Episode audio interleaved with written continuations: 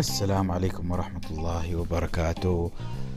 أعزائي المستمعين مرحبا بكم مجددا في خلينا نتكلم بودكاست. اليوم حنتكلم عن حاجة عجيبة جدا. بدأت تتغير في الوقت الأخير وصارت آه، إلكترونية اللي هي بطاقة الصعود للطائرة.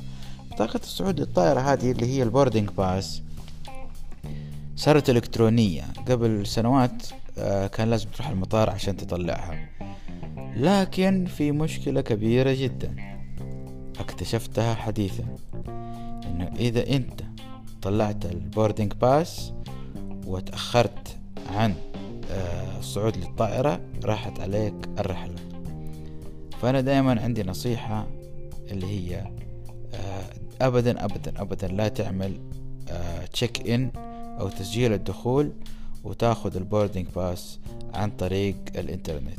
دائما أعملها في الموقع عشان لا سمح الله. لو راحت عليك الرحلة آه، تقدر تسترجع التذكرة وتقدر تطلع في طيارة تانية برسوم أقل لأنه البديل هو أنك تشتري التذكرة من أول وجديد تروح عليك الرحلة تماما.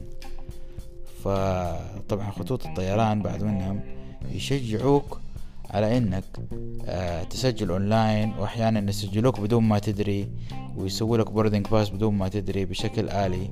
فالواحد لازم إنه يكون حريص وينتبه.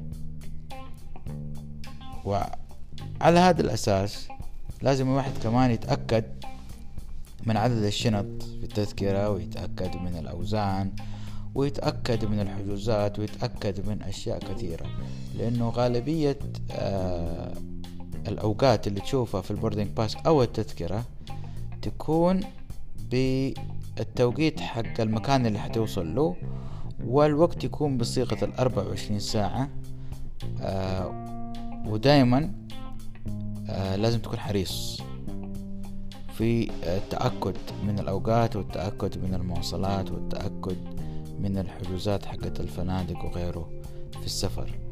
فلذلك آه أنا دائما أشجع إنه الشخص اللي سافر يكون معاه أحد تاني آه، سافر قبل كده يصير يعرف الإجراءات وغيره يكون عنده خبرة وتجربة. لأنه في ناس آه، لاحظت كثير الفترة الأخيرة أول مرة يسافروا وبيكتبوا في تويتر ويكتبوا في المواقع الاجتماعية تفاجؤهم من بعض الأمور والإجراءات.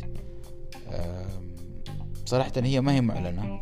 والخطوط آه، يعني بكافة أنواعها بيروحوا يشجعوا المستخدم إنه يعمل تسجيل.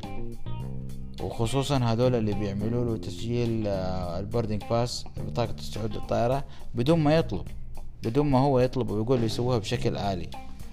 وممكن تكون هذه حركة عشان الخطوط ما يرجعوا الفلوس حقت الناس. وكل ما قل الوزن في الطيارة كل ما زاد ربحهم.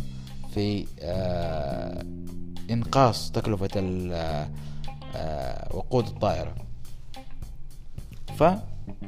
فالإنسان والمسافر لازم يكون واعي وأتمنى أنه يوم من الأيام تصير في إجراءات آه، تقول للأشخاص اللي هم مسؤولين عن الإيميلات ومسؤولين عن ال boarding passes إنه معلش ما ترسل أنت طلب إنه boarding pass لا تسوي أنت من عندك آليا كشركة طيران وخطوط طيران ولا آه، نسمح لك إنك ترسل إيميلات أو رسائل نصية تشجع على آه، عمل ال boarding pass بشكل إلكتروني أو آلي.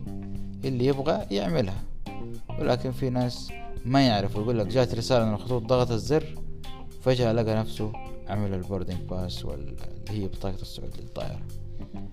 فلذلك أنا أنصحكم نصيحة أخوية.